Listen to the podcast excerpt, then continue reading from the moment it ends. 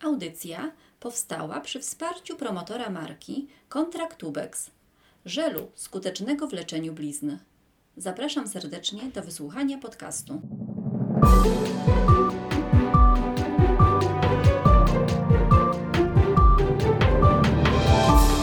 Radioklinika. Rozmawiamy o Twoim zdrowiu. Dobry wieczór. Moim dzisiejszym gościem jest pani Joanna Mróz, fizjoterapeutka uroginekologiczna. Poruszymy sobie dzisiaj temat wysiłkowego nietrzymania moczu u kobiet. Jest to problem, który dotyka e, jedną na pięć kobiet i z wiekiem te proporcje się zmieniają e, i też problem narasta po ciążach u kobiet. E, dzień dobry, witaj Asiu. Witaj, dzień dobry. E, powiedz mi, jakie są jeszcze inne ryzyka wystąpienia e, wysiłkowego nietrzymania moczu u kobiet? Oprócz właśnie wieku, ileś tam ciąż. Mhm. Ym, Czy tutaj też głównym ryzykiem jest, y, znaczy czynnikiem, który powoduje nietrzymanie moczu jest menopauza, czyli wejście w okres menopauzy. I generalnie wysiłkowe nietrzymanie moczu może dotknąć y, kobiety na każdym etapie jej życia, czyli może dotknąć kobietę młodą, która nigdy nie współżyła, więc nigdy też nie rodziła. Może dotknąć kobietę, y, która współżyje i nie rodziła. Może dotknąć kobietę, która e, jest matką, znaczy, która jest w ciąży, bo w ciąży też wysiłkowe nietrzymanie moczu się pojawia, zwłaszcza przy, końcówce, przy końcówce w trzecim trymestrze. Mm, Może dotknąć kobietę w czasie połogu, czyli tuż po porodzie. Może utrzymywać się e, w okresie poporodowym. I mm, czasami bywa tak, że to gdzieś tam, zwłaszcza jeżeli kobieta podejmuje rehabilitację, e, ona może z tego wyjść. Natomiast jeżeli nie, to wysiłkowe nietrzymanie moczu pogłębia się lub pojawia się na nowo u kobiety, która weszła już w okres menopauzy. Okej, no to wróćmy może do tych kobiet y, młodych, które nie rodziły, nie współżyły. Jakie są w ogóle e, przyczyny występowania e, tego wysiłkowego nietrzymania moczu w tej grupie właśnie kobiet? Mm, To jest grupa bardzo mała i to, jest, to są pacjenci, z którymi mm, rzadko można spotkać się w, swojej praktyce. Y, Natomiast są to kobiety, które mają często zbyt. mm, za bardzo wzmożone ciśnienie w jamie brzusznej i czasami mają uszkodzony układ y, przytrzymujący cewkę moczową. Są to też kobiety, właściwie dziewczyny, młode nastolatki, które przez całe życie wykonywały mm, taką szkodzącą aktywność fizyczną. Czyli na przykład są to, są to dziewczynki, które trenują e, podnoszenie ciężarów, są to dziewczynki, które na przykład intensywnie skaczą na trampolinach. Mm, No i tutaj też oczywiście czynnik genetyczny też e, robi swoje, ale e, no musimy o tych, pamiętać o tych młodych dziewczynach, że tak, nietrzymanie moczu może dotknąć nastolatek również przed rozpoczęciem e, współżycia. Mhm. No i właśnie, są w ogóle różne stopnie tego wysiłkowego nietrzymania moczu. Rozumiem, że dolegliwość, no choroba, stan chorobowy może się nasilać, jeżeli nic z tym nie będziemy robić. Mm, Tak, jak najbardziej, jak najbardziej. I tutaj jeżeli chodzi o nastolatki, to zazwyczaj jest to, znaczy kwalifika- e, klasyfikacji nietrzymania moczu jest e, dość dużo, ale najbardziej popularna jest taka kwalifikacja czterostopniowa, gdzie pierwszy stopień jest najlżejszy, a czwarty jest e, no, tak jakby najcięższy, czyli kobieta w ogóle nie jest w stanie utrzymać moczu, e, nie jest w stanie nawet w pozycji pionowej utrzymać moczu, a mm, stopień pierwszy, najlżejszy, to jest stopień, w którym kobieta ma delikatne wycieki moczu przy kichaniu, kasłaniu, podskokach, em, po, przy robieniu pajacyków. To jest takie delikatne nietrzymanie No też śmiech. moczu. Tak, właśnie, przy śmiechu, przy kichnięciu, czyli wtedy, kiedy wzmaża się ciśnienie w jamie brzusznej, w pęcherzu moczowym, wtedy cewka sobie z tym po prostu nie radzi i gdzieś ten mocz popuszcza. Em, Ja też e, czytałam w różnych opracowaniach naukowych właśnie, że ten etap, e, e, nie etap, tylko do czwarty stopień, tak, to już jest nawet do tego stopnia, że w pozycji leżącej nie kontrolujesz tego i niestety Tak, i mocz wycieka. Mocz wycieka, tak. tak. To, jest, to zazwyczaj ten czwarty stopień dotyczy już kobiet w takim wieku, czy tak naprawdę no, w takim okresie już, znaczy w stanie geriatrycznym tak naprawdę. Okej. Czyli to są osoby, które no, cierpią na przykład na choroby y, układu nerwowego, y, są to osoby, które no, na przykład są naprawdę już w stanie takim no, ciężkim, czyli one są zwykle, zwykle w pampersach. No ja spotykałam w swojej praktyce takie osoby i czasami po prostu były takie sytuacje, że jeżeli pacjentka chciała przejść z krzesła na fotel ginekologiczny, to samo to przejście już wiązało się z gubieniem moczu y, do tego stopnia. I to, wtedy już wiemy, że to jest nietrzymanie moczu czwartego stopnia, czyli kobieta nie ma żadnej kontroli y, nad Tak, no to jest niesamowicie w ogóle ograniczająca aktywność wszelką. Całkowicie. No, Całkowicie. Kobieta musi chodzić w pampersach. Tak. E, więc jest to też e, tak jakby najbardziej negatywnie wpływa to na jakość jej życia. Tak, natomiast te młode dziewczyny, jeszcze wracając do nich, e, kiedy jakby no mają ten pierwszy stopień, zdarzają im się takie incydenty. e, Często nie, nie mówią mamie, nie mówią e, osobie dorosłej o tym, że coś takiego jest. E, no i wchodzą później w ten wiek, kiedy Zaczynają, zaczynają współżyć, są tak, matkami. są matkami i zachodzą w ciąży. Problem w ciąży się nasila wtedy. Tak, w trzecim trymestrze bardzo i Mhm. po porodzie y, jeszcze bardziej. E, tak, i wtedy już wiemy, że jeżeli przychodzi kobieta na e, konsultację poporodową e, do gabinetu i w wywiadzie jest obciążona, czyli ja wiem, że ona miała nietrzymanie moczu jeszcze przed rozpoczęciem współżycia tak naprawdę. Mhm. W ciąży na pewno się nasiliło, więc ja wiem, że po porodzie ta kobieta na pewno będzie potrzebowała rehabilitacji. I one, znaczy taka pacjentka e, zawsze ma nietrzymanie moczu e, po porodzie i jest to zazwy- tak zwykle no, pierwszy, drugi stopień, z którego możemy jeszcze wyjść rehabilitacją, z którego możemy coś jeszcze zrobić. No, trzeci, czwarty to już jest leczenie operacyjne. Nie ma znaczenia e, siła później, e, natężenie e, i, i tego stop, stopnia nietrzymania moczu od tego, czy rodzi cesarką, czy rodzi naturalnie. Ma. Ma. Tak. Czyli co, po porodzie naturalnym jest to bardziej nasilone? Badania mówią różnie, natomiast Aha. z mojego doświadczenia i z mojej praktyki wynika, no, że niestety tak po cesarskim cięciu jest e, dużo mniejszy odsetek kobiet z Mhm. wysiłkowym nietrzymaniem moczu.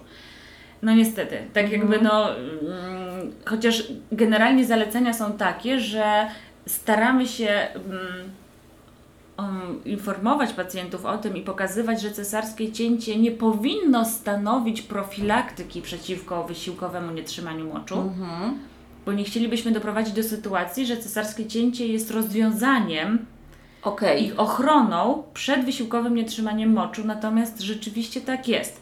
Kobiety, które e, mają cesarskie cięcie i kiedy bada się je na przykład na 4-6 tygodni po cesarskim cięciu, na takim standardowym e, badaniu po porodzie, e, one nie mają już zaburzeń statyki narządu rodnego.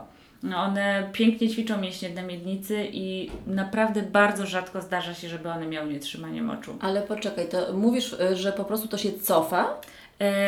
Tak, To się cofa. Tak, czyli jeżeli Aha. kobieta jest w ciąży, prawda, jest w ciąży, tak. to wtedy no, dziecko tak jakby no, naciskiem swojego ciała naciska delikatnie na pęcherz moczowy, cewka moczowa w cudzysłowie, bo kolokwialnie rzecz mówiąc jest zmęczona, kobieta kicha, kaszle, więc gdzieś ten mocz gubi i my generalnie uważamy, że jest to fizjologia. Takie nietrzymanie moczu pierwszego stopnia w trzecim trymestrze ciąży, no nie jest nic strasznie niepokojącym. Oczywiście kobieta powinna ćwiczyć mięśnie na miednicy, powinna stosować profilaktykę, ale jest to rzecz, którą jesteśmy w stanie zaakceptować i obserwujemy ją w okresie połogu i po połogu.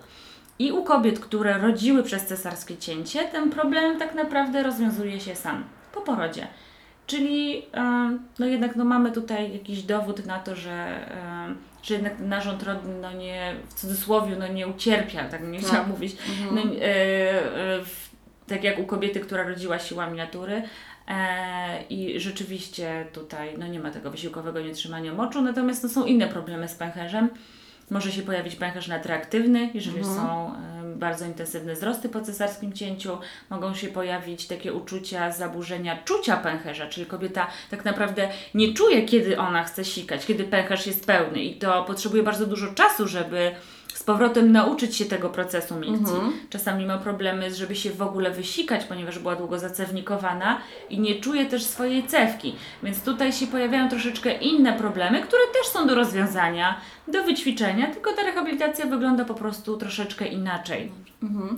A czy w okresie ciąży kobieta, która już miała ten pierwszy stopień wysiłkowego nietrzymania moczu, może w pierwszym trymestrze, drugim e, zacząć ćwiczyć? Mięśnie na miednicy? Mięś- tak, Oczywiście, dokładnie. Jak Jak najbardziej. najbardziej, tak? Pierwszy, znaczy pierwszy trymestr zostawiamy generalnie No tak, Spokojnie. jest to okres taki, tak, ochronny. Tak, dokładnie, bo tutaj wiadomo, kobiety wymiotują, gorzej się czują, Tak. więc zostawmy im ten moment, niech, niech to wszystko minie i niech to będzie taki okres stabilizacji ciąży, natomiast w drugim trymestrze jak najbardziej może aktywizować mięśnie na miednicy i zacząć się wzmacniać.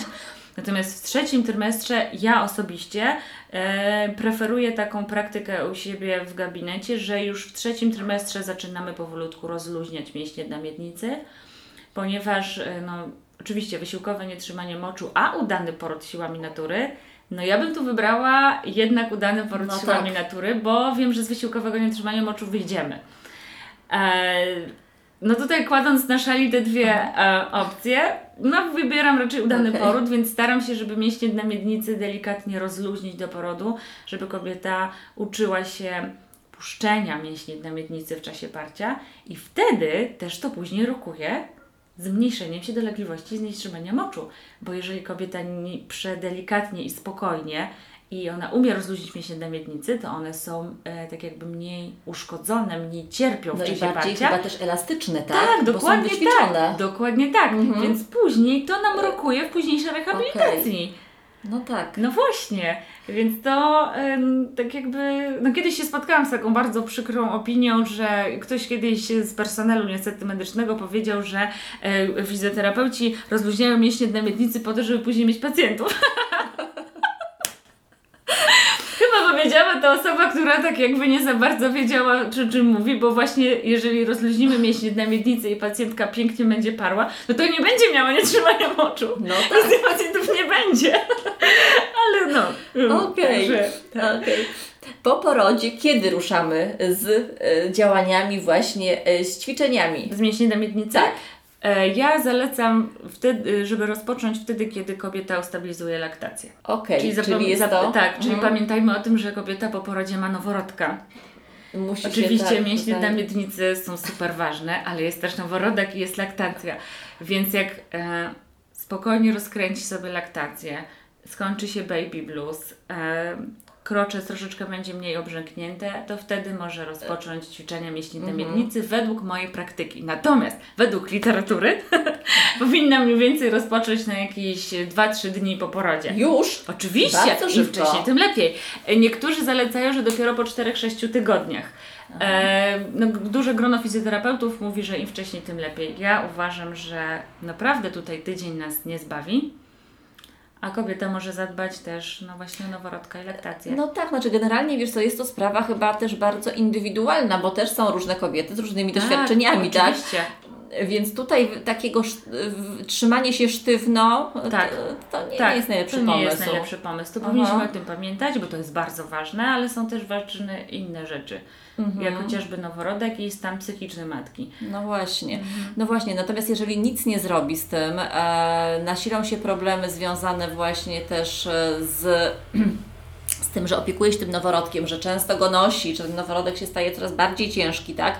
Nieumiejętnie go nosi często, jeżeli to jest pierwsze dziecko, nasilają się problemy z kręgosłupem, e, z postawą i wtedy problem wysiłkowego nietrzymania moczu może wrócić. Tak, jeżeli mo- nic i nie robimy. Tak, i może też nara- narastać, Narastać. bo generalnie Mhm. y, utrzymywanie y, y, złej postawy ciała bardzo negatywnie wpływa na nietrzymanie moczu i na statykę narządu rodnego. Mhm. Czyli jeżeli kobieta jeszcze właśnie źle nosi dziecko, ona bardzo często y, tak jakby przebywa w tej pozycji pochylonej do przodu, zamyka klatkę piersiową, y, ma znaczy złe ustawienie miednicy, to to w konsekwencji powoduje, że nietrzymanie moczu może się nasilić. Mhm. E, więc no, Trzeba coś z tym robić Tak, generalnie. Nie zostawiać Absolutnie. tego, że to po prostu samo minie. a, nie, absolutnie. Absolutnie nie, no, nie minie, I, I trzeba e, udać się właśnie do fizjoterapeuty w miejscu, w którym się. Może to też być położna.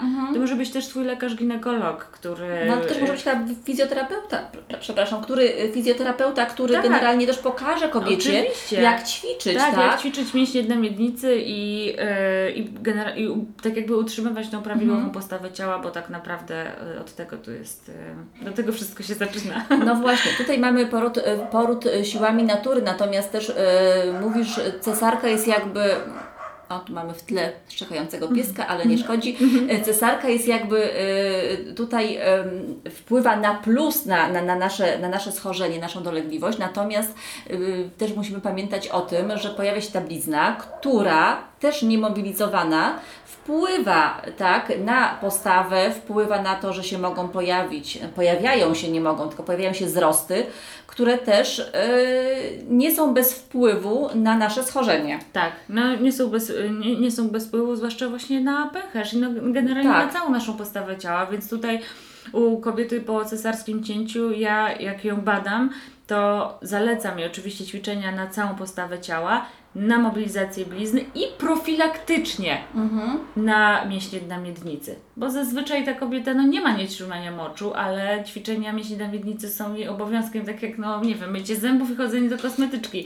No, każda kobieta powinna to Powinna robić. to Tak, umieć. to powinno być w ogóle automat. Myję zęby, ćwiczę mięśnie dna miednicy, więc e, nawet jeżeli ona miała cesarskie cięcie, to też nie powinna o tym...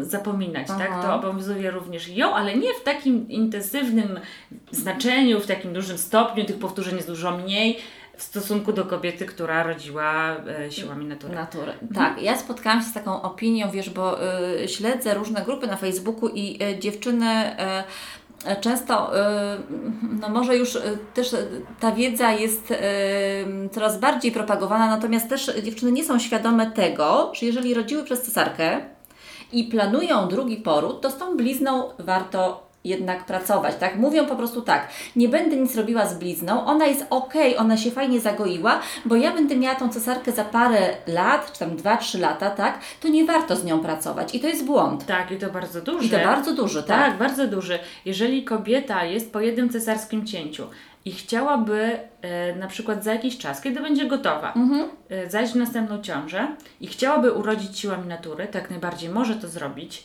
bez problemu, tylko musi pamiętać o tym, że ta blizna musi być ruchoma. Czyli ona nie może, nie powinna mieć, albo przynajmniej powinna mieć jak najmniej wzrostu, czyli ona powinna się ruszać z całym ciałem kobiety, żeby nie wpływać negatywnie na cały narząd ruchu. Jeżeli chciałaby rodzić po raz kolejny przez cesarskie cięcie, bo oczywiście też ma do tego Tak. e, prawo, to też musi z tą blizną pracować, bo nawet gdyby się zdecydowała na następną ciążę, nie wiem, za 5-10 lat, to te, przez te 5-10 lat może nabawić się wzrostów.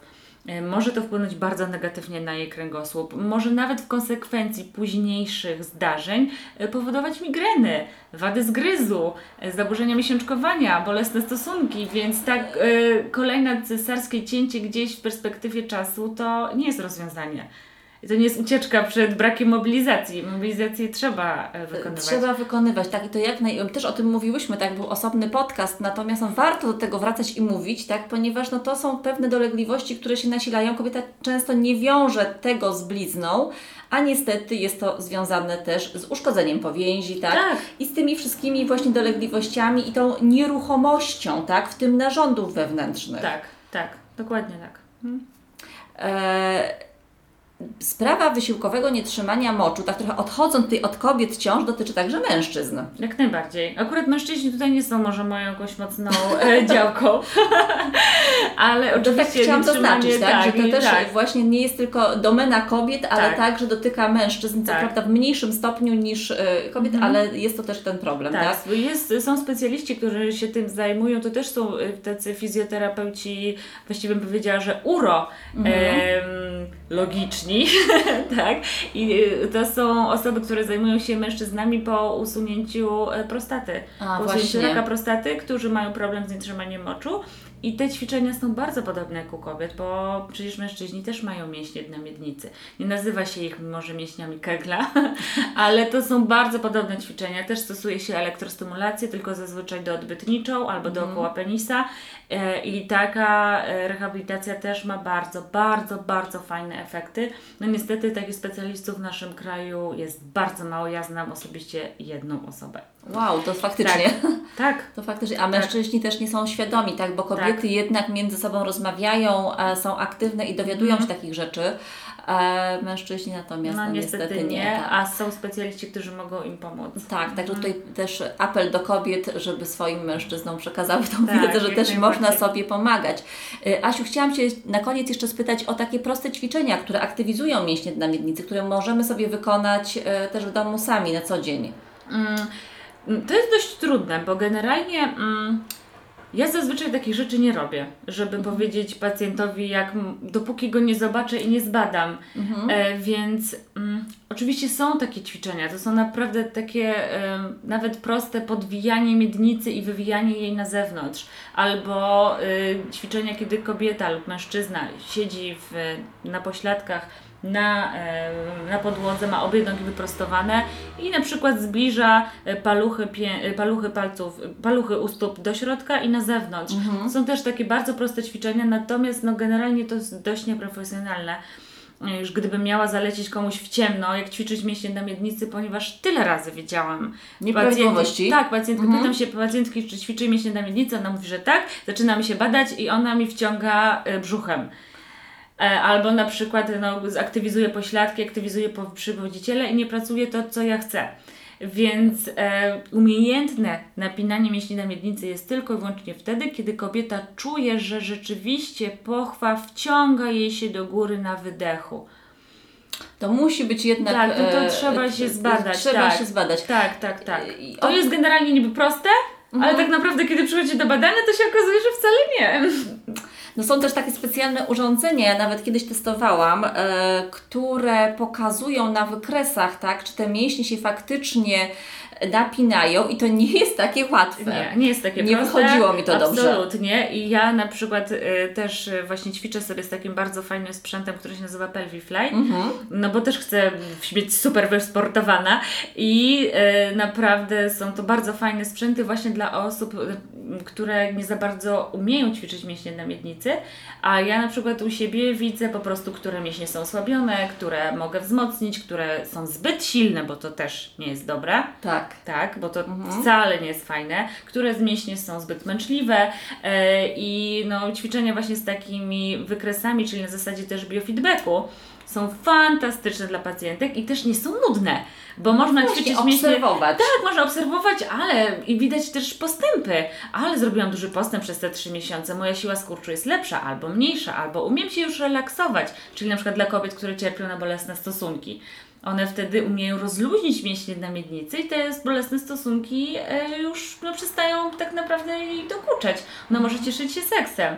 Więc e, no tutaj nie tylko to wzmacnianie, ale też rozluźnianie. I są, jeżeli ćwiczymy mięśnie na miednicy z biofeedbackiem, to to jest też y, przy okazji bardzo takie ciekawe i radosne, bo można na przykład sobie grać w gry, naprawdę, swoją pochwą, tak? Czyli mamy odpowiedni e, taki, mm, takie urządzenie, które wkładamy do pochwy i ono za pomocą e, biofeedbacku łączy się z Twoim telefonem. E, tak, i masz grę, którą grasz wykonując skurcze pochwy. I ta gra jest dostosowana tak jakby do Twojego napięcia mięśni na miednicy, bo tą grę ustawia Ci fizjoterapeuta. I on wie, którą grę Ci dać, żebyś na przykład zbyt mocno się nie wzmocniła, albo na przykład chcemy, żebyś się rozluźniła. Fantastyczne. Fantastyczne, bo to jest bardzo motywujące i nie jest właśnie nudne takie, że dzisiaj robię 30 powtórzeń mięśni na miednicy, tylko włączam grę, włączam aplikację i na przykład dzisiaj, nie wiem, zbieram ośmiorniczką e, jakieś tam muszelki, tak? No świetna sprawa. Ja Muszę Cię odwiedzić, Asiu. Będziemy grać w I grę. spróbować, Dobra. tak. A ile trwa taka, y, no nie wiem, rehabilitacja, tak, żeby nauczyć te mięśnie na miednicy tego, Ćwiczyć? żeby, tak, żeby one były wyćwiczone i żeby nie było tego problemu później na starość, Mhm, nie trzymania moczu. nie trzymanie moczu. To zależy jaki jest stopień, zależy jak pacjentka pracuje. Czasami się wyrabiamy w 3 miesiące, no ale są kobiety, które są na przykład, nie wiem, po 4 porodach siłą natury, po 6 porodach siłą natury, no to taka rehabilitacja trwa em, no, rok, półtora.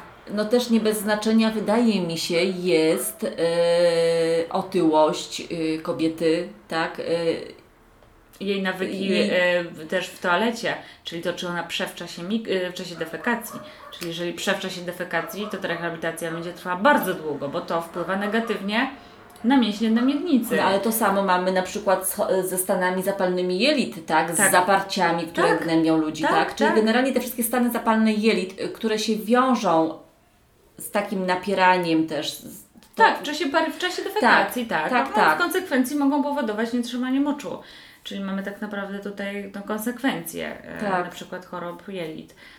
E, więc no tutaj też ta właśnie prawidłowa higiena, używanie stołeczka do defekacji, to też jest bardzo istotne. No właśnie, prawidłowa tak, y, tak. postawa ciała podczas Dokładnie, w tak. czasie defekacji, prawidłowa dieta, prawidłowe nawodnienie. Zobaczmy ile mamy, spójrzmy ile mamy dzisiaj ludzi, którzy są po prostu nie, oni są odwodnieni. To jest problem w ogóle, o Tak, którym się y, nie mówi. Nie mówi, Tak, tak, za mało tak. pijemy. No, oczywiście, za mało pijemy i mm, no też no, źle się odżywiamy, więc te stolce są po prostu twarde i zamiast być miękkie i spokojnie, żeby człowiek mógł się wypróżnić bez parcia, Tak. spokojnie, e, więc no, to też ma ogromny wpływ e, na mięśnie na miednicy. Ogromny. Czyli zalecamy po prostu to, żeby y, jeżeli mamy takie dolegliwości, o których tutaj rozmawiałyśmy, odwiedzić specjalistę, fizjoterapeutę i zacząć ćwiczyć, żeby na starość. e, Zbadać się, przede wszystkim Przede wszystkim się zbadać. zbadać, tak. Bo może się okazać, że ta fizj- fizjoterapia czy rehabilitacja, ona w ogóle nie będzie potrzebna. Może się okazać, że kobieta dostanie tylko zalecenia do domu, które powinna zmienić na przykład codzienne nawyki i się okaże, że ta rehabilitacja nie jest potrzebna. Dostanie ćwiczenia, które będzie wykonywała sobie. I, e, bo to nie jest tak, że każda kobieta tego na 100% potrzebuje, ale to jest obowiązek, żeby się zbadać. Żeby później jednak uniknąć e, No operacji tak, w no tak, późniejszym wieku. tak jak wiesz, okresowe kontrole u ginekologa, tak powinny być okresowe kontrole Tak, tutaj oczywiście. tak e, w tym temacie, bo, Tak. bo, bo później tak jak e, Asia opowiadała, są różne problemy w wieku starczym, że po prostu no, musimy już e, nosić pieluchę. Tak, a i później do konsekwencji, jeżeli w ogóle kobietę też można zoperować, bo czasami... Mhm. A operuje się, tak? Operuje się, tylko teraz trzeba spełnić kwalifikacje do operacji, czyli jeżeli mamy kobietę, która ma lat 80 i na przykład sika w pieluchę, ale ma inne obciążenia, na przykład z układu No tak. sercowo-naczyniowego, to ma przeciwwskazania do wykonania operacji, więc nie zawsze jest czas, żeby jej pomóc. I ona No niestety właśnie. może być skazana na pieluchę nie dlatego, że e, my nie chcemy je zoperować, czyli lekarz ginekolog nie chce je zoperować, tylko dlatego, że nie może. No jest zbyt duże ryzyko. No właśnie. Mhm. Więc tutaj też musimy to dbać, czyli zapobiegać, czyli profilaktyka. Profilaktyka, drogie, profilaktyka, drogie Pani, jak tak. Tak, nie Tak. lenimy się tutaj, tylko naprawdę Tak. e, to jest dobry czas, żeby udać się do, do specjalisty i zadbać, póki jeszcze możemy. Tak. Dziękuję Asiu za tą rozmowę. Bardzo Ci dziękuję. Moim gościem była Joanna Mróz, fizjoterapeutka uroginekologiczna. Więcej audycji na stronie radioklinika.pl